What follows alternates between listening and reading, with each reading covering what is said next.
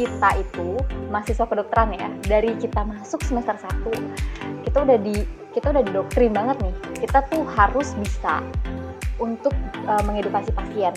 Siapa pun maksudnya kayak dari keluarga kita terdekat aja. Walaupun kita belum jadi dokter pasti kalau ada apa-apa tuh kalau kita udah punya titel kayak oh dia lagi sekolah kedokteran pasti nanya gitu. Kita tuh tahu kita harus makan makanan sehat terus kita harus uh, ngimbangi dengan olahraga cuman kita nggak bisa ada waktu untuk itu. Kalau aku lihat ya dan pengalaman aku itu lebih ke makanan itu tuh masih menjadi sarana untuk stress release dan untuk eksplorasi. Ini contohnya aja ya kayak um, ini tuh kayak ritual anak-anak kedokteran aku bilang habis ujian blok yang ujian bener-bener kayak stressful banget nih harus all you can eat. Itu sebenarnya siapa yang ngarusin sih? Bener-bener waktu aku cek cek gula darah itu aku kaget banget sih Halo semuanya, selamat datang lagi di podcast Sehat Seutuhnya bersama saya Yonas. Di episode podcast kali ini dan beberapa episode ke depan, kita bakal ngobrolin hal-hal yang praktikal. Mungkin selama ini teman-teman sudah mendengarkan hal-hal yang teoritis gitu ya. Eh, banyak hal-hal yang kita quote dari research, membahas research lebih detail atau bahkan menggunakan bahasa-bahasa yang ilmiah. Buat beberapa episode ke depan kita nggak akan pakai bahasa itu karena kita bakal ngobrolin hal-hal yang praktikal, pengalaman orang dengan kesehatan atau journey kesehatan mereka sendiri gitu. Nah, untuk episode podcast kali ini kita bakal ngobrolin kenapa sih kita itu kadang tahu yang benar tapi kok nggak dipraktekin gitu. Contohnya, kita tahu nih, makan sayur dan buah itu sehat, tapi kok kita nggak praktekin gitu. Kita milih boba daripada misalnya buah. Nah, episode podcast ini kita bakal ngobrolin atau ngobrol dengan seseorang yang mengalami shift mindset nih, atau perubahan mindset dalam pengalamannya dengan kesehatan. Bersama kita sudah ada narasumber, calon dokter, banyak pengalamannya. Saya baru kenal beliau tahun lalu karena kita juga kenalan kayaknya di Instagram ya kalau nggak salah ya. Dan akhirnya menarik banget karena aku ngelihat wah ini calon dokter yang udah beres sekolah kedokterannya tapi udah interested banget dengan lifestyle medicine atau concern banget dengan pola hidup sehat. Jadi kita bakal ngobrol-ngobrol sekarang kegiatan kesibukannya lagi ngapain. Jadi tanpa menunda-nunda waktu lagi, saya mau welcome Kadek Ayu Sri Purniawati S Ken. Halo Ayu. Halo Kak Willy. gimana gimana nih kabarnya nih? Halo halo baik baik. Harus baik dong, harus tetap semangat, harus tetap baik-baik aja lah pokoknya. yes yes. yes. Nih nih Ayu by the way lagi di di mana nih di Bali? Uh, untuk sekarang aku masih di Bali. Uh, semuanya masih serba online, masih serba dari rumah jadi mungkin kemungkinan balik ke Bandung juga untuk mulai koas onsite itu di sekitar akhir Mei sih. Oke, akhir Mei ya. Berarti mm -hmm. Sekitar satu setengah bulan lagi lah ya. Yep, Sebulan. Betul. Jadi ya. habis nunggu Ramadan dulu kan ada larangan mudik juga kan sebenarnya. Betul, betul, benar banget, benar banget. Jadi ketunda karena itu juga ya. Iya, warga negara yang baik harus taat aja aturan pemerintah. Yes, setuju banget, setuju banget. Nih, by the way, kalau Ayu sendiri uh, kan udah tamat kedokteran nih, uh, udah nunggu untuk koasnya berapa lama nih? Aku itu sebenarnya udah hampir setahun ini sih. jadi ini tuh COVID ya? Yes, jadi karena COVID. Uh, sebenarnya aku tuh nunggu itu kan karena emang um, menurut aku sendiri, ini kan uh, menurut menurut pandangan aku, um, uh -huh. aku memang nunggu momentum aku untuk koas itu ya, aku nunggu saat aku bisa ke rumah sakit, saat aku bisa ngejalaninnya secara sebagai klinisi gitu. Jadi memang right. um, aku um, mungkin agak kurang nyaman kalau emang harus menjalani selama setahun atau enam bulan gitu secara online. Makanya kayak yaudah akhirnya aku uh, ngambil quarter selanjutnya, aku exploring banyak hal lain yang emang sekalian gali-gali passion sendiri juga kan gitu. Jadi memang ya untuk menjaga produktivitas di tengah pandemi juga gitu. Oke, jadi jadi Ayu sendiri yang milih kayak untuk ditunda gitu ya? Uh, yes, kalau secara okay. ini sih itu kayak um, aku memilih untuk ditunda dan um, dari keputusannya juga karena serba nggak pasti kan, jadi ya udah aja daripada aku juga pusing, di situ juga pusing, aku banyak nanya ya udah gitu. right, right, right. Oke. Okay. Nah ini ini satu tahun sambil nunggu koas nih dipakai eksplorasi apa aja nih yuk? Uh, eksplorasi sebenarnya kan ini juga yang buat aku shifting mindset sebenarnya ya kayak hmm. dari aku uh, tahun lalu ya tahun lalu awal tahun lalu 2020 aku balik ke sini terus uh, waktu aku tuh bener full di rumah dan banyak waktu sama mama aku di mana mama aku itu udah ngejalanin 20 tahun uh, healthy lifestyle atau plant based lifestyle 20 tahun gitu tapi anaknya wow. ini yang udah umur segini nggak pernah sama sekali ngeh gitu kan cuman gara-gara jadi secara nggak langsung kan pandemi ini jadi momentum bagus sebenarnya buat uh, terutama kayak kita kita yang nggak pernah di rumah jarang right. komunikasi sama keluarga gitu kan jadi waktu itu bener-bener aku uh, ngikut gimana lifestyle mama mama di dapur aku ngeliat gimana cara proses mama ngolah makanan milih bahan um, bener-bener gimana ya kayak sekaligus bonding juga kan gitu kan right. dan um, benar-benar itu yang uh, awal start aku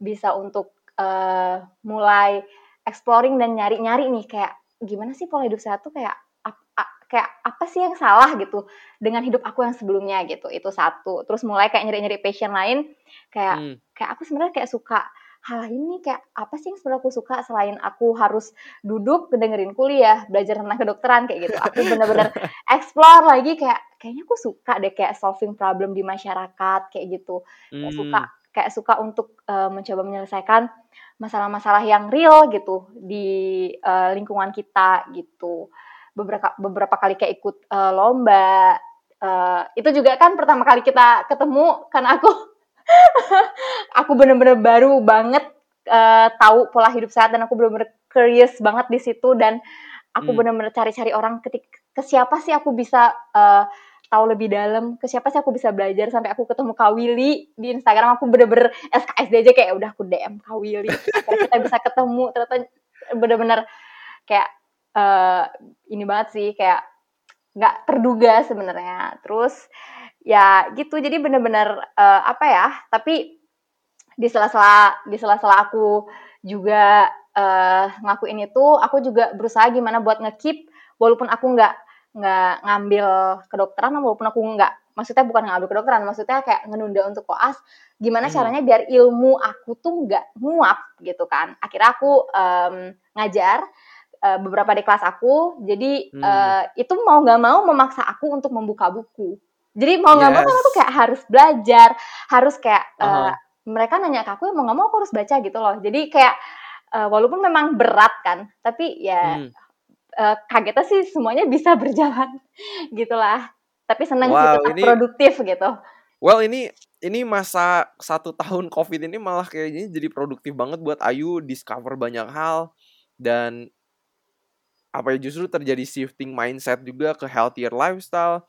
Dan jujur sebenarnya pas aku ketemu Ayu seneng seneng banget sih karena melihat Ayu yang baru tamat uh, sarjana kedokteran gitu kan dan punya interest yang besar kepada healthy lifestyle ini sebenarnya huge banget gitu. Karena kalau di Amerika sendiri kan lifestyle medicine itu jadi udah menjadi salah satu cabang atau spesialis kedokteran yang besar gitu kan. Hmm. Dan sebenarnya seneng banget gitu ketemu Ayu yang ini dokter calon dokter Amin. dan kayak wow gitu interestnya interestnya gede banget gitu nah uh, kita pengen ngobrol lebih banyak nih soal pengalaman Ayu karena uh, kalau sesuai dengan tema topik podcast kali ini gitu kan kita tahu itu bukan berarti kita praktekin gitu. Mm, betul. Kayaknya kayaknya kita semua tuh guilty gitu kan terhadap ini gitu kan. Mm, betul banget. oh ya kita tahu oh ya bersih bersih kamar bagus tapi nggak dibersihin juga gitu kan yes. kan kamarnya. nah ini uh, apa ya? Uh, gimana nih kira-kira kalau dari pengalaman Ayu gitu ya? Uh, dari lingkungan Ayu pas Ayu lagi kuliah gitu kan dengan teman-teman ya di uh, jurusan kedokteran gitu kan yang akan menjadi calon dokter nih di masa depan gitu kan. Apakah ini juga uh, apa ya? apply gitu. Hmm. Apakah ini juga terjadi kalau uh, kita tahu tapi nggak kita praktekin gitu yuk? Hmm. Ini menarik sih karena uh, kita itu mahasiswa kedokteran ya dari kita masuk semester 1 kita udah di kita udah didoktrin banget nih kita tuh harus bisa untuk uh, mengedukasi pasien siapa pun. Maksudnya kayak dari keluarga kita terdekat aja. Walaupun kita hmm. belum jadi dokter pasti kalau ada apa-apa tuh kalau kita punya titel kayak oh dia lagi sekolah kedokteran pasti nanya gitu. Kayak ini, Right, ini kayak iya bener. kan? Jadi kayak secara nggak langsung itu tuh sebenarnya bisa diaplikasiin gitu. Cuman society kita itu kurang bisa menunjang. Em, jadi benar-benar eh, gimana ya? Kayak em, kita tuh tahu kita harus makan makanan sehat terus kita harus eh, ngimbangin dengan olahraga. Cuman kita nggak bisa ada waktu untuk itu. Itu pertama. Yang kedua Oke, jadi jadi terlalu sibuk gitu, padat banget ya kayaknya. Yes. Orang kayak yang kuliah bener-bener kedokteran tuh. iya kayak bener-bener semua tuh serba mepet. Terus kayak udah bahkan kita makan pun harus bener-bener sambil eh, naik tangga. Kayak nggak bisa mindful ngejalanin hidup tuh. Jadi bener-bener kayak eh, udah ngikut waktu yang sepadat itu gitu tapi Hmm. menurut aku untuk eh, bisa ngepraktekinnya itu benar-benar apa ya kita tuh benar-benar lagi diproses sih dan untuk ngejalanin secara mindful tuh menurut aku masih masih agak eh, jauh dan proses yang lebih panjang ya terutama untuk eh, semua anak-anak kedokteran gitu bisa bisa bisa mau dan dan niat untuk mengedukasi dan gimana ya pasien pasien pun atau masyarakat tuh bisa percaya kalau misalkan memang ya kita bisa dipercaya gitu kan cuman ya Hmm. ya ya gitu Kalau mereka lihat juga kalau yang mengedukasi itu ini sehat juga gitu kan atau Mm-mm. mempraktekkan juga gitu. iya kepercayaan mereka tuh pasti lebih ningkat gitu kan apa sih kayak Hmm. susahnya kita cuma nolong eh, makan makan makanan yang bergizi ya pak gitu tidurnya yang cukup hindari ini hindari itu ini, ini, ini. dah Iya, kayak semua pun juga bisa ngomong kayak gitu gitu kan. Tapi gimana caranya biar Hmm. mereka pun mau untuk menjalani juga gitu. Aku pun juga masih masih belajar untuk itu gitu. Jadi ya makanya kita bener-bener lagi proses sih untuk bisa mempraktekkan gitu kan. Right, ini kayaknya kalau kalau misalnya eh ya tipikal anak kuliah kedokteran kan pasti sibuk banget gitu. Hmm. Eh, udah gitu kalau misalnya mereka dari luar kota misalnya ngekos gitu kan. Hmm. Terus kosan belum tentu ada dapur misalnya. Nah, itu itu sebenarnya jadi challenge juga nggak sih, yuk? Hmm. Ini kalau aku pribadi ya, aku tuh kan memang eh, dari kecil itu eh, udah punya habit masak sebenarnya. Jadi kayak memang udah Oke. memang udah suka lebih suka masak gitu karena memang apa ya kayak lebih lebih bisa enak aja gitu. Kadang bisa eh, stress release aku tuh dimasak gitu. Bersyukur tuh itu Hmm. gitu. Cuman sebenarnya kalau memang eh, sekarang tuh anggap aja ya ini kalau secara reali- realitanya nih di kosan itu pasti ada kan teman-teman lain? Maksudnya kayak jarang lah yang yang sendiri gitu. Setidaknya kalau ada temen bisa kok kayak misalkan kita mau makan malam kayak ya di jam 5 jam 6 sore kita kayak ngumpul terus kita kayak ngerjain semuanya bareng-bareng. Itu kan kayak jadi lebih ringan rasanya ya kayak bener-bener apalagi betul, betul. bisa dari groceriesnya bareng gitu. Terus bisa bersih bersihnya pun jadi bareng. Biasanya kan orang itu penyakitnya tuh kalau males masak tuh karena males ngeberesin ya. Kayak ya aku suka kok masak cuman males bersih bersihnya tuh loh. Gitu banget kayak Right. case itu kayak gitu banget. Jadi kalau misalkan emang kita bisa ngerjainnya bareng-bareng itu kan lebih ringan gitu. Pokoknya kuncinya tuh jangan males aja. Jangan males ngebersihin. Jangan males buat groceries. Sekarang tuh udah serba serba apa ya? Kayak udah serba instan. Kayak groceries pun bisa online. Diantar sampai depan Right. pagar depan kamar. Terus kalau bersih bersih pun kayak ya udah kayak kalau ngekos bisa bisa apa ya? Bisa mungkin bayar lebih eh, untuk mbak kosan di situ bantu untuk ngebersihin. Bahkan kita bisa berbagi makanan kita bikin ke mbak itu. Aku sih gitu dulu ya kayak masak Hmm. sendiri. Terus kan banyak banget Iya nggak sih kayak susah banget kayak Iya, masak iya, buat iya, iya. seporsi kan kayak jadi Aha. kebanyakan terus kasih ke siapa ya kan bingung gitu kan kayak teman-teman pada makan di luar gitu akhirnya aku kayak panggil mbak gue terus kayak ya udah eh, ma- akhirnya makan bareng terus aku kayak kenalin mereka jadi kayak secara nggak langsung tuh jadi kayak kita udah ngajakin dia untuk makan makanan sehat loh gitu kan jadinya kayak hal kecil sih tapi memang efeknya mungkin bisa besar gitu Right, right. Wah ini ini udah tips yang praktikal banget nih buat teman-teman. Jadi emang hukum gotong royong masih bisa berlaku juga ya Hmm, untuk hidup betul. sehat gitu. Kalau misalnya buat kita yang masih hidup sendiri, tinggal di kosan atau tinggal di apartemen yang bareng temen, ya kita team up lah ya. Yes, Siapa yang masak, banget. siapa yang motong, siapa yang bersih-bersih gitu iya kan. betul banget Kayaknya yang aku nangkep dari yang Ayu bilang tuh kayaknya kalau seseorang udah ada kemauan untuk Mm-mm. hidup lebih sehat, sebenarnya tinggal cari jalannya nggak sih? yes betul banget pasti ada jalannya Oke, mau apa enggak gitu aja right, right, right, benar. Nah ini kalau kalau menurut Ayu lagi ya dan apa yang Ayu lihat ya dan alami, uh, apalagi sih yang sebenarnya menghambat uh, teman-teman yang lagi kuliah kedokteran atau yang lagi ya sibuk banget untuk mempraktekkan apa yang mereka tahu gitu sebenarnya? Hmm, kalau aku lihat ya dan pengalaman aku itu lebih ke makanan itu tuh masih menjadi uh, apa ya sarana untuk stress release dan untuk eksplorasi. Jadi, ah oke. Okay. Jadi benar-benar um, ini contohnya aja ya kayak um, ini tuh kayak ritual anak-anak kedokteran aku bilang habis ujian blok yang ujian bener-bener kayak stressful banget nih setiap, setiap bulan harus all you can eat itu sebenarnya siapa yang ngarusin sih kan kita kayak bener-bener itu siapa yang ngarusin kayak bener-bener uh, harus harus makan yang bener-bener buat self reward lah kayak gitu sebenarnya sebenarnya itu oke okay aja aku nggak aku pun nggak akan bisa ngelarang gitu loh itu kan hak dia ya apalagi dia udah bekerja right. keras gitu untuk misalkan uh -huh. menghadapi ujian itu gitu kan cuman um, itu bisa itu semua tuh bisa diimbangin menurut aku kayak ini ini terinspirasi dari satu teman aku sih. Waktu itu aku ngikut nih, aku ngikut uh, all you can eat gitu kan. Terus okay. aku ngeliat um, dia memang pesan daging, cuman sayurannya tuh seabrek. Dia tuh ngambil selada tuh kayak tiga kali lipat seberapa dia ngambil daging. Terus aku bilang kayak ya ya aku memang harus aku juga pengen makan daging bakar-bakaran kayak gini. Tapi aku ngerasa ya aku juga butuh sayur. Dia bilang kayak gitu. Jadi dari situ tuh aku kayak iya sih. Jadi kayak bener-bener um, setiap orang tuh punya caranya masing-masing untuk apa ya untuk bisa mengenal dan untuk improving uh, hati mereka atau kesehatan mereka gitu sebenarnya. Jadi kalau misalkan aku juga hmm. ngelarang kayak uh, udah ngapain sih harus uh, bakar-bakaran udah kita ke itu aja kita beli salad aja yuk kayak gitu kan kayak nggak nggak maksudnya kayak apaan sih ini orang aku malah takut dibilang aneh gitu loh jadinya kalau uh, misalkan uh. kayak gitu kan jadi memang um, kayak ya udah biarin aja tapi um, kasih mereka suatu apa ya referensi dan um, bantu untuk membukakan gitu loh kayak misalkan itu itu tuh aku yang sadar nih kalau misalkan enggak dagingnya banyak banget ya udah kita kayak uh, kenapa sih nggak dikasih ini? Ntar kalau misalkan lu nggak ini ntar pencernaan lu bisa terganggu loh gitu. Jadi kayak emang dikasih aware gitu. Jangan see, di, dilepas gitu aja. Jadi memang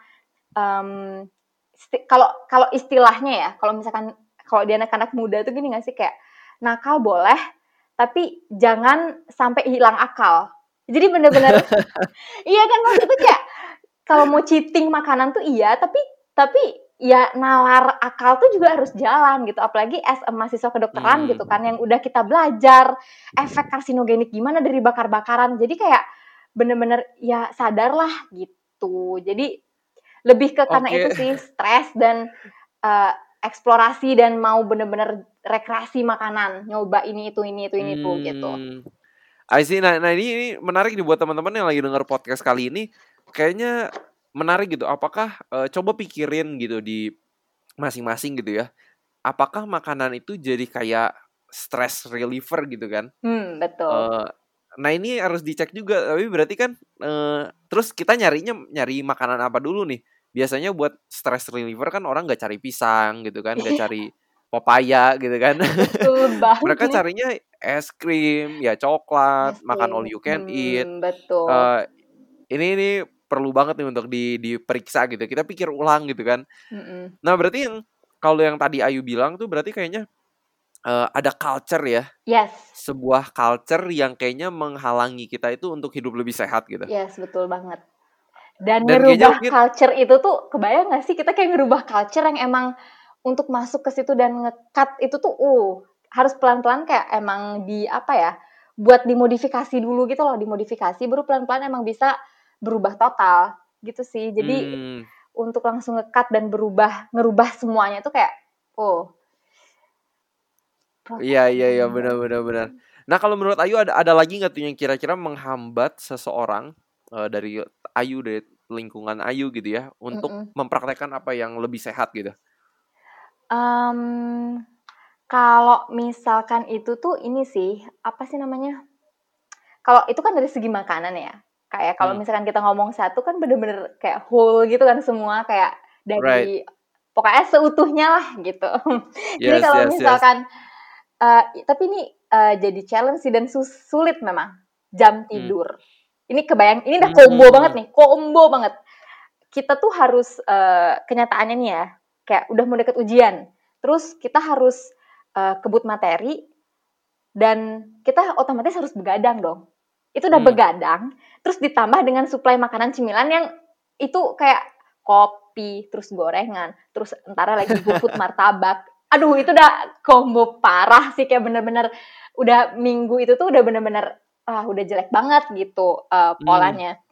jadi bener-bener apa ya selain memang menurut aku kesibukan terus sama keterbatasan uh, akses mungkin itu sih hmm. yang paling sangat berpengaruh menurut aku tuh memang uh, lingkungan. Jadi hmm. um, untuk kita mau berubah sendiri itu kan sulit ya. Jadi hmm, kalau emang yes. diinisiasi untuk lebih kayak uh, banyak orang, terus saling rangkul, itu kan lebih lebih cepat gitu movementnya. Gitu benar, sih. benar, benar. Oke, ini menarik banget sih. Uh, apa ya? Memang kita melihat seseorang yang melalui sekolah kedokteran itu kan emang gak gampang gitu kan. Yes. Yang kata Ayu gitu kan materi banyak banget yang harus dipelajari. Uh, dan kita appreciate banget gitu. Kita butuh dokter gitu kan di di komunitas kita gitu. Kalau yes. misalnya nggak ada dokter kan nih bahaya juga gitu kan. Mm. Nih orang-orang udah pada apa ya yang nggak bisa ditolong lah ya. Mm. Kalau udah punya sebuah penyakit. Jadi kita appreciate banget dokter-dokter uh, orang-orang yang kayak Ayu yang mau kuliah kedokteran. appreciate tapi memang semua datang dengan challenge-nya masing-masing gitu kan. Yes, betul. Uh, dengan apa yang harus dilewati dan belum koas gitu ya Yu ya. Jadi Iya, ini ini aja aku kayak masih deg-degan loh kayak nanti aku harus ke Bandung. Ini jauh nih dari mama yang sekaligus jadi pawang aku nih, kayak motivasi eksternal aku kan. Nanti bakal right. jauh. Wah, ini harus bener-bener tekad dari diri aku dan niat aku nih bener-bener konsisten banget nih gitu. Hmm. Jadi udah mulai nih aku kayak ke teman-teman tuh kayak guys kayaknya tuh kayak udah mulai tuh kayak aku kayak ngajakin mereka untuk uh, um, apa ya ngedukasi terus kayak kemarin tuh kan um, influencer-influencer gizi itu udah banyak banget ya kak ya hmm. termasuk dokter Tan Shutian tuh itu, yes. itu termasuk itu beliau hebat banget sih maksudnya edukasi beliau tuh cepet masuk ke kalangan aku kayak um, hmm. awal aku nge-follow beliau tuh kayak masih ini ini real sih kayak masih uh, sekitar 2-3 orang dari semua kayak teman aku di Instagram nge-follow beliau. Cuman setelah beberapa minggu aku cek lagi tuh udah sekitar 10-15 orang udah nge-follow beliau. Jadi kayak, wow. kayak memang udah udah kelihatan gitu kan kayak oh ternyata emang ada progresnya gitu. Jadi hmm. tinggal tinggal kayak diajakin aja. Sebenarnya kayak makanya kalau mereka pun udah aware tuh pas kita nyele, misalkan kita kayak lagi stres banget nih, manajemen stres kita tuh lagi jelek banget. Terus hmm. uh, udah mulai-mulai nyeleneh nih. Nah, tapi ada yang ngingetin. Kan jadi kayak bener-bener apa ya, lu nggak boleh gitu lah, lu kok kayak gitu sih kok, lu makannya aneh-aneh lagi sih kayak gitu loh. Jadi memang hmm. memang apa ya? Jadi ada support system ya? Yes, support system itu penting banget. oke, oke, oke. Ini menarik banget. Jadi buat teman-teman yang mungkin lagi dengar podcast ini merasa oh ya saya udah tahu nih hidup sehat itu harusnya kayak apa jam tidur harus diperbaiki olahraga seperti apa mungkin teman-teman butuh cari support system gitu. Hmm. Apakah kayak tadi Ayu gitu ya yang ada external uh, factornya gitu, mamahnya gitu kan, uh, hmm. yang selalu menjadi contoh buat Ayu, uh, nyemangatin Ayu, misalnya ngingetin gitu kan. Yes. Nah ini jadi uh, pengen nanya lebih banyak nih soal pengalaman Ayu gitu ya. Mm uh, waktu tahun lalu kan pas kita ngobrol nih Ayu udah mulai uh, sadar gitu nih, udah mulai nih makin banyak baca, makin banyak mempelajari gitu kan mengenai hidup sehat. Mm -hmm. Tapi sebelum nanya apa sih yang membuat Ayu sadar, lifestyle Ayu pas lagi di kuliah kedokteran itu kayak apa sih kalau bisa diceritain dikit gitu? Oke, okay. ini aku aku berdoa ini semoga relate sih sama teman-teman yang lain ya. Maksudnya kayak uh, ngebuktiin kalau aku pun bisa dengan niat aku yang kuat, tekad aku yang kuat, hmm. kalian pun juga pasti bisa untuk ya setidaknya nanti kalian sebetulnya bisa bantu aku juga untuk lebih move, movement juga gitu, lebih improving. Aku juga bisa bantu kalian gitu kan. Hmm. Jadi dulu tuh benar-benar aku kalau udah zaman zaman-zaman kayak gitu, apalagi dulu aku kan aku kuliah nih kak. Terus hmm. sambil kuliah, sambil ngikut kegiatan kampus dalam kampus gitu, organisasi. Aku juga hmm. sambil um, ngambil kegiatan luar kampus, sambil kerja part time, sambil jadi asisten dosen. Bener-bener kayak banyak banget jadi oh, manajemen stres tuh wah gila sih dulu manajemen waktu, manajemen stresku tuh kayak masih nyari-nyari, apalagi baru-baru ngerantau kan. Semester right. awal tuh, itu aku maksudnya kayak, walaupun aku kerja nih, um, kadang aku berpikir gini loh kayak aku harus uh, dapat duit sekian setidaknya aku biar bisa datang ke festival boba di salah satu mall. Aku sampai kayak gitu dulu kayak kayak bener-bener aku harus nabung nih. Aku mau beli aku dalam satu kali datang ke situ ya kak aku bisa beli empat jenis. Atau enggak dalam seminggu kayak hari ini aku beli. Wow. terus lusa aku beli lagi. Terus kayak um, um, dua harinya lagi kayak pokoknya seminggu tuh bisa tiga kali aku tuh hmm. makan boba boba holik parah dulu tuh beneran. Kayak bener-bener oke okay, menarik menarik. Kayak, kayak temen aku nanya lu udah nyoba ini belum? Udah. Nyoba ini? Udah. Nyoba ini? Udah. Dan dulu tuh kan maksudnya tahun lalu itu mungkin belum sebanyak sekarang ya. Masih boba hmm. tuh masih masih di kelas yang kayak apa ya masih sedikit brandnya dan tergolong masih harganya masih yang di atas rata-rata dulu kan. Kalau sekarang tuh kan udah okay. banyak banget kak. Kayak kayak uh, orang-orang kan aku juga kerja di salah satu startup ini aku tahu gitu kan kayak uh, keadaan lingkungan tuh banyak banget uh, orang-orang yang buka hmm. usaha hmm. boba sekarang. Aku kayak kaget hmm. banget tuh kayak wow. Uh, gila banget sih. Jadi benar-benar rela untuk menyisihkan duit aku udah udah mana mahasiswa gitu harus ngirit terus duit ngirit dipakai buat beli makan makanan kayak gitu kan bener-bener parah banget sih kayak bener-bener makan aku tuh kacau banget. Kayak sampai teman aku bilang bahkan teman aku pun sampai yang ngeingetin aku dulu kayak yuk lu tuh bukan nanti kayak terlalu sering ya? Sampai ngomong kayak gitu kak. Aku aku kayak yaudah bodo amat lah. Orang gue lagi stres gitu gue butuh ini gitu. Masih kayak gitu kayak benar-benar hmm. kayak masih berpikir kayak ini salah satu pelarian aku gitu. Ini salah satu yang buat uh, aku bisa ngelewatin semuanya gitu. Padahal kan nggak gitu sebenarnya. Kayak apa yang baik buat lidah itu belum belum baik buat tubuh kita gitu kan. Jadi yes. jadi benar-benar benar-benar uh, ya kacau lah. Jam makan tuh kayak jam makan kacau pilihan makan kacau terus nge-grab food, go food itu bener-bener apa yang perlu mau dicoba, nggak tahu cara ngolahnya gimana, siapa yang bikin, udah nggak tahu. Pokoknya lihat promo dikit, murah, cepet, enak, itu pokoknya udah, kalau hmm. udah tiga itu udah beli, gitu. Wow. Jadi, nah, nah ini kalau kalau ngomongin soal kayak tadi ya, Ayu bilang udah tingkat stres tinggi karena hmm. padat banget, makanan kayak gitu. Kalau olahraga ini keburu nggak tuh? Atau ada olahraga nggak tuh? Aku sempet tau, aku sempet kayak kalau misalkan kalau exercise aktivitas itu kan agak emang agak seneng ya. Cuman cuman hmm. waktu kuliah itu uh, makanya aku ngekos kan jalan tuh. Udah lumayan tuh aku mikir ya udah setidaknya jalan nih gitu. Terus sering uh, buat komitmen kayak setidaknya aku harus naik tangga kayak jangan naik lift gitu. Oke. Okay. Nggak akan bisa kak. Kayak kita jalan bareng sama teman-teman. Terus teman-teman pada naik lift, kan aneh banget kak aku naik tangga sendirian gitu kan. kayak ngapain gitu ya udah akhirnya mau nggak mau ngikut lah naik lift gitu. Lagian juga naik lift itu ke lantai 11, ke lantai 12 itu juga kan kayak waktu juga mepet lah nggak nggak memungkinkan lah kayak pulang juga baru jam 3 sore, jam 5 sore gitu. Aku juga masih ada kegiatan pokoknya cuma ngandelin dari jalan paling jalan terus kayak uh, ngukur berapa kali sih langkah paling sebatas itu gitu. I see, I see. Wow, ini uh, ngeri juga sih sebenarnya kalau denger apa ya ngedenger jadwalnya Ayu dan kayak kepadatannya. Gak tau buat teman-teman yang lagi denger podcast ini bisa ada yang relate nggak? Apakah teman-teman tuh uh, tipe orang yang susah nolak sampai akhirnya semua kegiatan itu diiyahin dan akhirnya kesehatan itu dikorbankan gitu kan ini kayaknya banyak banget juga gitu yang kayak gini kayak cocok banget kak Iya kan Yang kayak, penting oh, goals dulu, yang penting goals dulu kecapai, urusan kesehatan belakangan. yes, nah itu uh, semoga teman ada yang relate dan uh, mungkin bisa ada shift mindset juga nih setelah dengar podcast ini.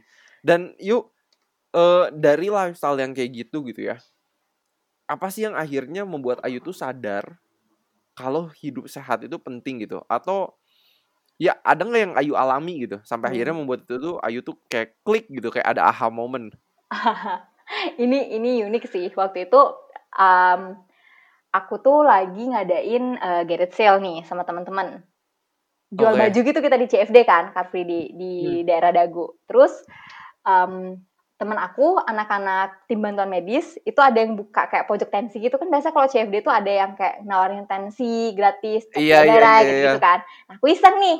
Iseng aja aku kayak ya, coba ah cek gula darah gitu. Nggak pernah kak. Ini kayak aku 21 tahun ya waktu itu ya. 21 tahun aku hidup tuh kayak cek gula tensi itu jarang banget. Paling cuman kayak pas latihan ujian hmm. gitu ngecek tensi. Jadi kayak bener-bener jarang banget gitu nggak se nggak aware itu karena banyak hmm. menurut aku yang prioritas lebih penting belajar gitu kan belajar ujian hmm. terus right. bener-bener waktu aku cek uh, cek tens uh, cek apa sih cek gula darah itu aku kaget banget sih gula darah sewaktu aku waktu itu padahal aku cuman uh, sarapan waktu itu inget banget pisang satu biji jam jam 5 aku makan pisang itu aku cek jam 9 apa setengah 10 gitu udah mau beres-beresnya aku cek terus pas dicek DDS aku 197 kak. Terus kalau nggak salah nih ya kolesterol total aku tuh di angkanya di 220 itu benar-benar aku tuh bengong kayak kayaknya aku nggak ada genetik buat buat ini deh. Maksudnya kayak gula tinggi atau kolesterol tinggi gitu kayak nggak ada deh. Terus aku hmm. kayak teman aku dua-duanya ngecek juga nih aku berempat kan berempat dua teman okay. aku yang lain ngecek. Sama kak. Nilainya tuh kayak hampir-hampir mirip kayak aku kayak ini wow. Kayak, ini salah kita atau gimana gitu. Bahkan teman aku satu lagi ada sampai dia ngecek ke lab. Dia langsung ke aku nggak tahu tuh lab Pramita tuh di mana. Dia langsung ke lab. Dia langsung ngecek. Kayak karena bener-bener apa ya kalau aku kan shocking dong shocking ini umur dua satu dong. Itu umur aku masih dua satu. Kayak bener-bener terus aku kayak uh, flashback lagi aku minum apa ya kemarin-kemarin ya? Kayak bener-bener aku berpikir ah ya ampun. Aku baru-baru baru sadar kayak ya memang nggak saat itu juga keluar kayak aku minum satu minggu yang lalu ya nggak satu minggu yang lalu juga. Aku langsung apalagi aku nggak ngecek waktu itu kan. Mungkin kalau aku ngecek -huh, kayak bakal ketahuan langsung waktu itu. Cuman yang aku cek setelah seminggunya aja tuh kayak aduh aduh parah banget sih waktu itu. Aku langsung bener-bener kayak di situ bener-bener langsung uh, sadar dan kayak mulailah kayak mulai nih aku overthinking kayak ada something yang salah nih. Kayak udah mulai kayak kayak ada harusnya dirubah deh aku nggak bisa terus kayak gini hmm. deh udah hmm. mulai tuh kayak gitu wow itu ini ini gila sih maksudnya di usia 21 uh, eh, dengan gula darah sewaktu kayak 190-an uh, kolesterol udah 220 gitu kan di mana sebenarnya umur 21 ya biasanya itu yang kayak sehat-sehatnya dong gitu kan iya wow dan gak tau tuh maksudnya apakah Ayu bahkan lebih down lagi um, mengingat kalau misalnya Ayu tuh lagi kuliah kedokteran gitu, ingin membuat orang supaya sehat, tapi tiba-tiba kaget gitu yes. melihat kondisi kesehatan sendiri tuh yes. kayak gitu gitu. Iya, aku sampai ada di satu sisi aku kayak nyesel loh kayak kok aku baru ngecek sekarang sih, kok aku baru tahu sekarang sih gitu loh kok kayak hmm. coba aku kayak tahu lebih awal gitu kan. Coba aku sadar hmm. lebih cepet deh tapi itu nggak ada yang nyadarin. Itu loh kayak kayak um, maka dari situ aku kayak punya prinsip aku tuh harus didukung sama orang-orang di sekeliling aku gitu. Jangan sampai aku pun ikut gitu kejeblos. Maksudnya maksudnya kayak udah udah udah sadar cuma kan cepet banget kak. Kayak mau pengaruhi kita ke hal yang lebih buruk tuh kan lebih cepat daripada nge-influence yang right. baik kan? Makanya kayak yes. makanya harus bener-bener kuat banget imannya dan harus di circle kita di sekeliling kita tuh juga harus harus ngedukung gitu. Hmm Wow, ini ini ini benar-benar menarik, shocking banget. Uh, ini juga yang selalu uh, aku canang-canangkan gitu, yuk ya, ya kayak uh, yuk kita tuh cek kesehatan tuh rutin gitu. Yes, betul kan banget. Kan kadang nih di Indonesia tuh belum ada kebiasaan kayak oh ya ke dokter enam bulan sekali atau minimal setahun sekali lah gitu kan. yes. kan. Sedangkan kalau aku lihat di US kan itu udah udah orang tuh udah punya habit itu gitu kan. Mm -mm. Jadi kalau oh gula darahnya tinggi, kolesterolnya tinggi kan ketahuan lebih dulu gitu kan. Mm -mm. Uh, dan bagus gitu, udah bisa diintervensi duluan gitu kan. Mm -mm. Nah terus setelah Ayu sadar tuh gula darahnya tinggi, kolesterolnya tinggi juga, uh, akhirnya apa tuh yang Ayu lakuin? Cari informasi kah atau cari support system, mm. nanya ke dosen atau atau ngapain yuk? Awalnya tuh aku jujur aja shock dan takut sebenarnya kayak apalagi kalau hmm. misalkan kayak um, apa ya dosen terus um, orang tua tahu nih kalau misalkan aku kayak gini. Jadi kan kayak trust kepercayaan orang tua juga naruh kita di luar. Terus kondisi kesehatan kita kayak gitu kan jadi kayak buat khawatir ya kak ya. Terus benar, aku benar, kayak bener-bener mulai nih aku kayak berpikir. Dari situ aku kayak ngerubah pola masak aku.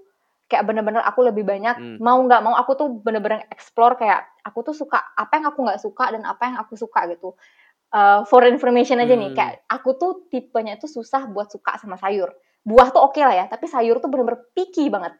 Makanya aku ny Oke. nyiasatinnya itu kalau misalkan emang aku sulit untuk beli sayur di luar, mau nggak mau aku harus sempet masak sayur di rumah walaupun emang lauknya aku harus beli gitu. Jadi Hmm, kalau sayur oke. itu kan mungkin lebih cepet kayak kayak pengolahannya ya gitu, lebih cepet dibandingkan kita Hmm. harus masak daging kan. Gitu. Jadi Aha. memang sayur tuh pasti aku harus masak gitu. Jadi emang harus aku makan apa pun aku udah tekad harus aku lengkapin sama sayur. Setidaknya 2 sampai 3 jenis sayur gitu. Jadi dari situ Oke, itu udah step pertama yang Iya, itu udah lakuin step, gitu ya. step pertama yang aku lakuin kayak aku ngubah pola pola masak aku, terus aku ubah kayak isi piring aku aku ubah. Kayak yang Hmm. dulunya kalau aku pengen aku cuman masak Indomie, pakai suki-suki. bener-bener bener-bener kayak cuman aduh yang cepet lah kalau lagi nonton drakor kayaknya enak makanan yang di di Korea, eh udah bikin itu ah paling cuma sebatas itu kan kalau dulu yang cepet dan enak kan di lidah terus sekarang Right. berusaha untuk ya udahlah setidaknya isi piringku tuh lengkap gitu Hmm. gitu Wow, itu itu udah step yang keren banget sih. Mm-mm. Karena emang ya kalau makan di luar ya nggak semua apa ya maksudnya susah-susah gampang lah ya Iya, untuk dapat berapa banyak jenis sayur. Kalau yes, banyak betul. makanan rumahan sih lumayan ya. Iya, Masih ya- betul. masih masih ada opsi gitu. Cuman kan kita nggak tahu ya kayak oh bikin janji ketemu orang di mana gitu kan. Hmm, betul banget. Wow itu itu udah keren banget sih dan kayaknya blessing banget karena Ayu tuh emang bawaannya dasarnya tuh emang udah seneng masak dari dulu gitu kan. Iya, syukurnya aku itu. Cuman kan emang budaya masaknya lagi ditularin ya kayak eh, apalagi sekarang anak-anak kecil balita pun udah udah udah bisa di dapur. Malu dong yang anak-anak se- seumur kita masa nggak bisa di dapur dikalahin sama anak bayi. Kan nggak mungkin gitu kan kayak aduh itu sih harusnya tamparan sih maksudnya buat kita kita nggak pernah ke dapur gitu misalkan kayak males apa apa mau instan kayak mau cepet Hmm. lah ya harus belajar mau nggak Right. mau tuh mau nggak mau itu harus gitu Harus belajar masak ya. yes Ini step Tuh, pertama. harus belajar Terus- masak Setelah itu yang Ayu lakuin apa tuh? Eh, gimana dengan bobanya? Apakah langsung bisa ditinggalin atau Hmm. gimana yuk? ini ini unik sih aku nyiasatinnya waktu itu jadi benar-benar apa ya em, aku kan eh, udah mulai-mulai akhir nih maksudnya udah mulai-mulai semester akhir terus em, eh, udah udah di rumah juga waktu itu dan apa ya aku bisa nyiasatinnya kan aku suka buah terus Oke. buah tuh aku masih bisa makan gitu lah. Terus akhirnya aku mix tuh, aku suka banget kayak buat smoothie-smoothisan gitu. Terus kayak Oke. kayak aku campur-campur aja gitu kayak misalkan aku ngeliat lah resep-resepnya gitu. Dan ternyata Aha. rasanya tuh enak. Makanya kayak ya udah aku nggak butuh sesu- sesuatu yang lain lagi yang ber, berrasa manis. Aku udah punya satu yang notabene lebih sehat gitu. Aku tahu Hmm. ini dipakainya bener-bener dari air mineral gitu, bukan bukan air dari bukan air dari mana gitu kan. Bisa juga Yes, yes. kalau misalkan eh kalau kita beli di luar tuh bener-bener kita nggak tahu kita nggak pernah tahu cara pengolahannya kayak apa kan gitu loh, kita Hmm. nggak bisa lihat dapur mereka secara langsung gitu kan terus jadi itu sih kalau yang boba tuh aku nyiasatinnya bener-bener aku sering buat smoothies aku sering ngejus sendiri kayak apalagi ada Hmm. jus portable itu kan sempet hype tuh padahal jus portable kayak gitu orang ke mana-mana sambil lari terus bawa bawa aha. jus gitu gitu jadi Right, right, jadi right. bisa disiasatin di campurannya sebenarnya. Kalau emang kan smoothies tuh gampang banget kayak everything tuh bisa di mix di situ. Kayak bahkan kalau Yes. Willy pun aku pernah lihat pernah buat smoothies tempe kan. Enak banget, enak. Seriusan. Udah nyoba belum? Belum gimana rasanya smoothies tempe. Wah menarik sih tuh bisa bisa. Nanti aku coba deh. itu itu enak sih itu enak sih but anyway eh, itu itu good start banget ini emang key sih kayak eh, ini yang selalu aku lihat dari pengalaman Ayu gitu ya kayak aku selalu sharing juga ke orang kalau kalau kita belajar masak sendiri itu kan kita apa ya, tidak menggantungkan kesehatan kita terhadap orang lain gitu Yes. terhadap sebuah restoran terhadap sebuah eh ya restoran lah ya Mm-mm. jadi kayak kita take control kesehatan kita sendiri gitu karena Yes, kita benar-benar tahu apa yang kita masukin ke mulut gitu kan. Yes. Bener-bener Dan- banget. Ini huge banget. Jadi Iya. mau kita backgroundnya apa, profesinya apa, mau laki-laki perempuan kalau menurut aku juga perlu tahu masak banget sih. Ya betul banget. Kan yang di dapur nggak mesti cewek terus kan. Bisa gantian. kan? Gantian lah ya ini. Iya. Ini buat laki yang belum pada nikah, eh, laki-laki yang lagi dengar podcast belajar masak juga supaya istrinya seneng juga Iya atau betul. calon istrinya.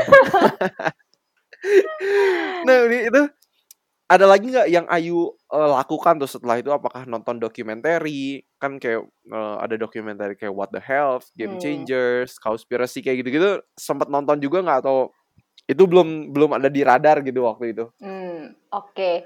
Sebenarnya kan karena aku em, pulang ke Bali itu, aku ketemu mama, maksudnya aku ngikutin lifestyle mama itu, mulai tuh kak, bener aku kayak eh, nonton yang apa sih waktu itu yang Fox Over Knife ya. Yes. Nah, Fox Over Knives. Terus mulai aku em, ternyata aku tuh udah eh, ngefollow ini salah satu maksudnya kayak motivasi aku juga. Ini Kak Helga Hmm. Ternyata aku udah ngefollow ngefollow dia karena karena emang dari dulu nih, emang dari dulu tuh aku suka kayak ngikutin kayak eh, cewek-cewek yang memang eh, apa ya punya impact gitu buat Hmm. Indonesia atau enggak bisnis-bisnis momen yang memang punya pengaruh gitu kan. Aku suka ternyata aku udah lama nih follow Kak Helga. Aku kaget kayak oh ternyata aku udah follow Kak Helga ya. Aku pernah adoring dia gitu. Terus aku Hmm. bener ngikutin kayak eh, eh, apa sih kayak sama suaminya dia kayak eh, menu-menu di Burger aku ngeliat gitu kan kayak gimana lifestyle dia gitu kayak sering ngikutin Hmm. Kak Helga jadi pembicara gitu. Makinlah, makinlah itu kayak udah makin menggebu-gebu tuh kayak eh apa sih kayak keinginan aku kayak ya harus makin komit gitu kan. Jadi Hmm. untuk menyingkirkan keterpaksaan itu udah udah udah udah terpaksa tuh makin hilang gitu. Udah semakin Hmm. motivasi diri dari internal tuh makin tinggi gitu. Apalagi aku ketemu Kak Willy habis itu aku dengerin podcast aku dengerin Kak di mobil tuh sampai temen aku bilang lu tuh gila ya lu dengerin podcast gitu di mobil ya memang kenapa kayak bener-bener aku dengerin webinar dengerin podcast gitu di mobil kadang-kadang Sesuatu kalau yang produktif lah ya.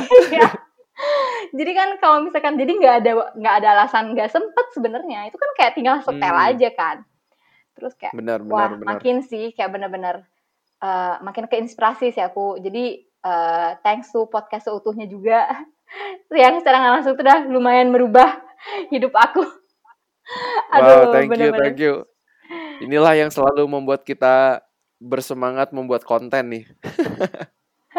harus tetap semangat harus semangat terus harus semangat.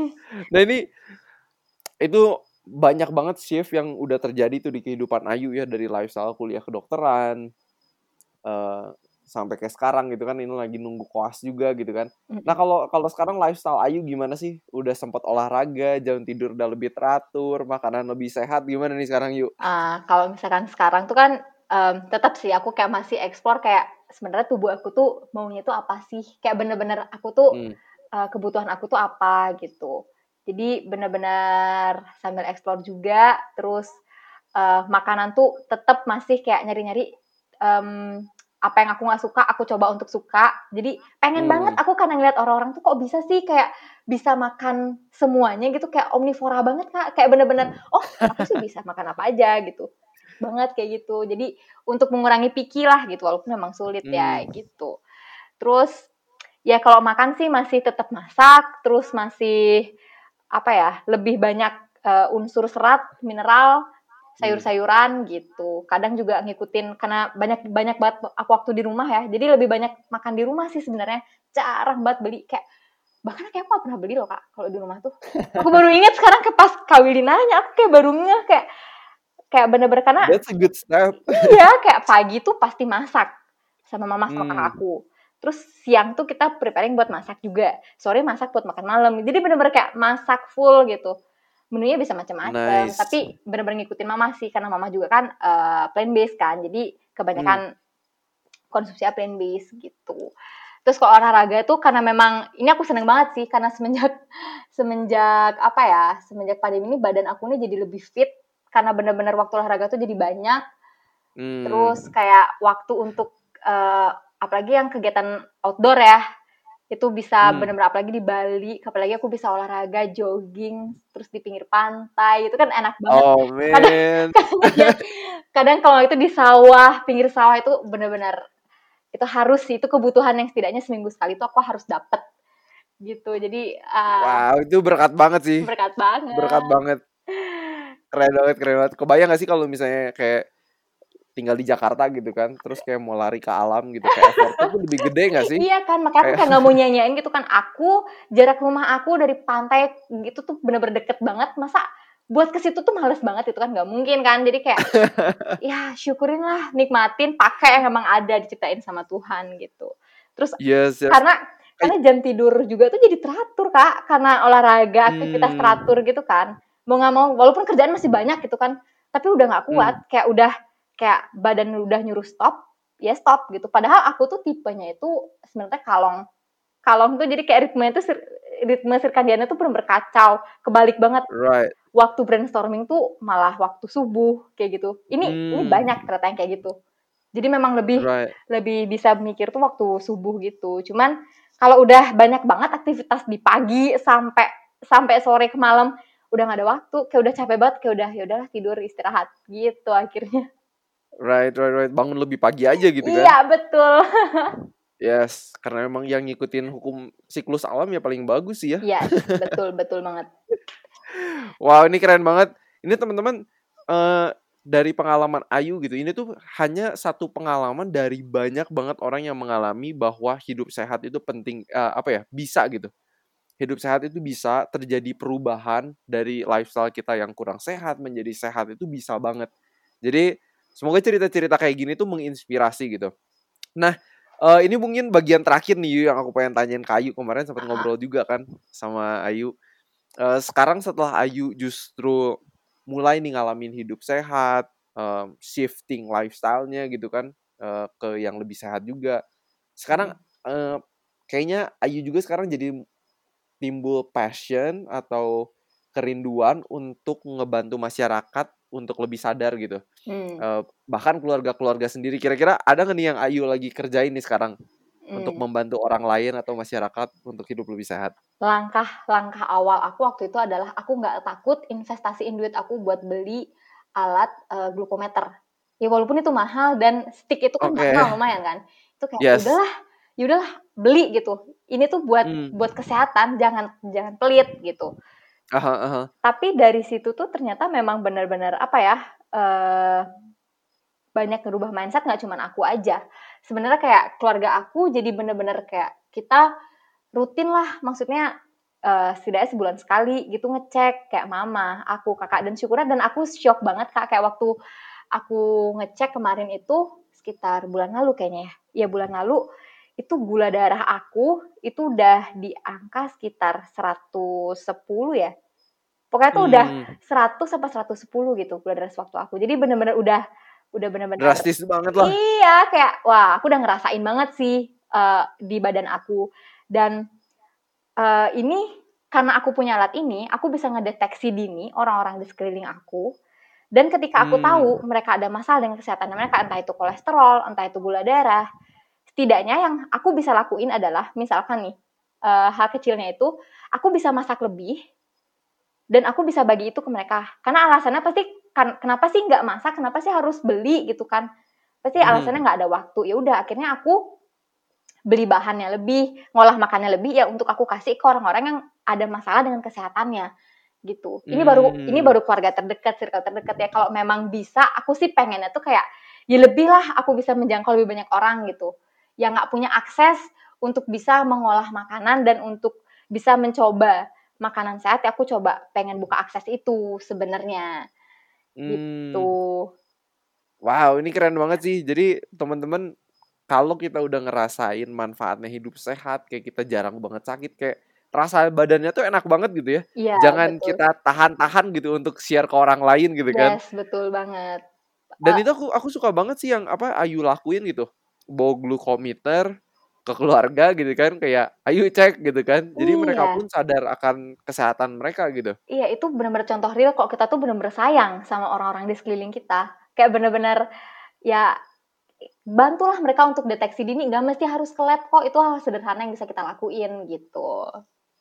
Yes, bener banget. Nih kayaknya kayak aku suka banget konsep Ayu kayak Ayu masak lebih juga Mm-mm. buat mereka supaya mereka bisa ngerasain gitu kan makanan sehat tuh bisa enak loh gitu kan. Iya, makanya aku kok beli bahan tuh kayak, padahal yang tempat aku beli bahan itu sampai bingung kenapa aku beli bahan tuh sampai banyak banget ini jualan atau apa.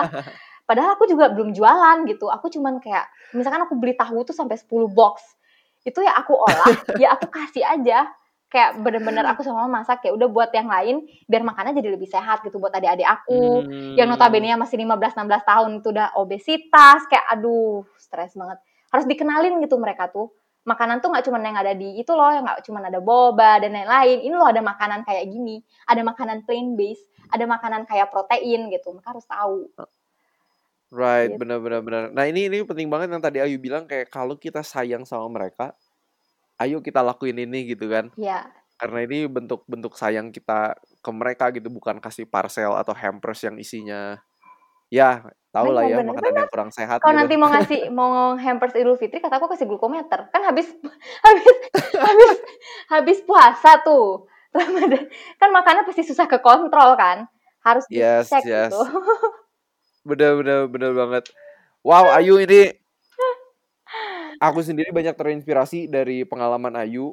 Eh, makin yakin lagi gitu ya, makin diyakinkan kalau sebenarnya eh, seseorang mau melakukan hidup sehat itu bisa. Eh, jadi buat teman-teman yang udah tahu nih, ayo dapat cari support system, cari informasi lebih banyak supaya teman-teman bisa mempraktekannya gitu. Nah ini kira-kira kalau dari Ayu ada pesan-pesan penutup nih buat para pendengar podcast kalian. Uh, untuk pendengar podcast, ayo kita bantu Kak Willy untuk mengedukasi orang-orang terdekat kita. Itu dari hal yang bener-bener simpel sih. Jadi dengan kita ngasih mereka tahu podcast seutuhnya aja itu udah bener-bener hal langkah kecil sebenarnya. Gitu loh. Jadi bener-bener apa ya?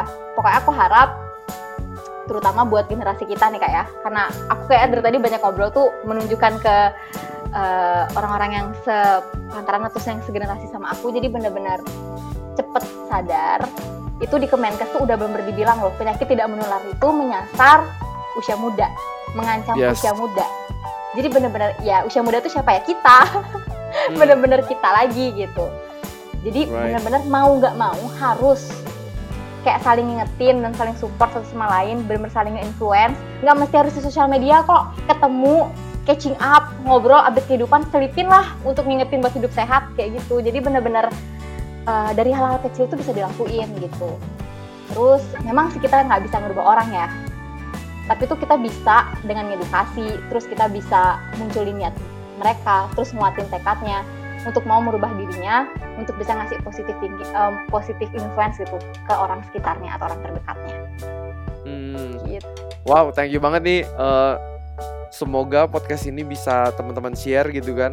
Kalau eh, ke temennya. Karena podcast itu kan kayaknya enak banget juga ya untuk didengerin sambil Yes. olahraga gitu Yes. kan. Sambil commute di jalan, Iya, nyetir sambil atau apa. olahraga tuh bener aku pernah loh kak bener Udah olahraga terus denger sesuatu yang eh, informasi yang menyehatkan gitu kan.